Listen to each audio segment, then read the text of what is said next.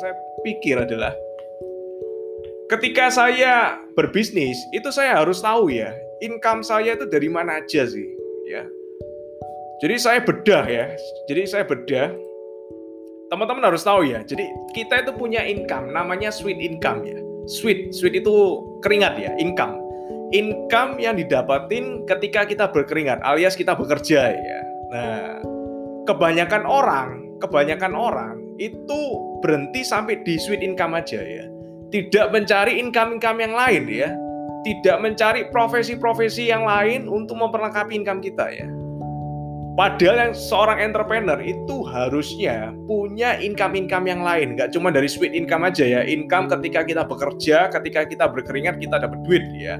Tapi ketika kita tidak bekerja kita nggak dapat duit ya. Ada income-income yang lain ya.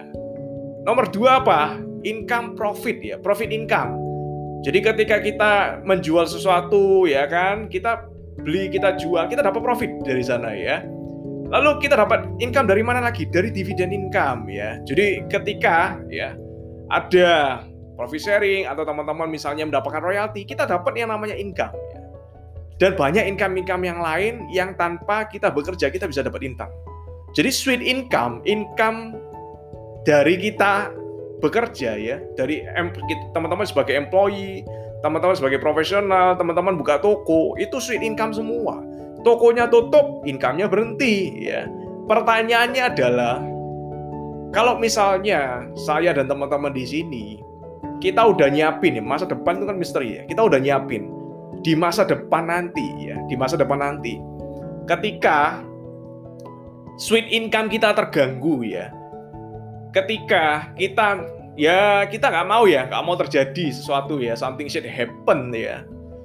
Ketika problem terjadi sehingga sweet income kita itu hilang ya macam-macam problem yang tadi pecat ya.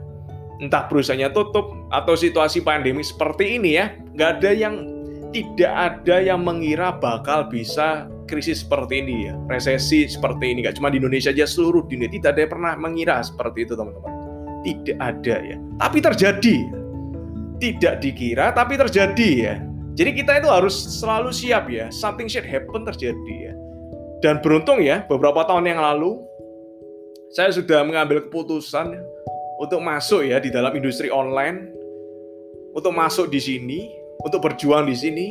Kalau misalnya ya, kalau misalnya ini skenario terdua terjadi ya, misalnya saya tidak memperlengkapi diri saya dengan yang namanya bisnis ya di luaran dari bisnis saya, dari usaha konvensional saya, apa yang terjadi ya? Tentu saya pusing ya.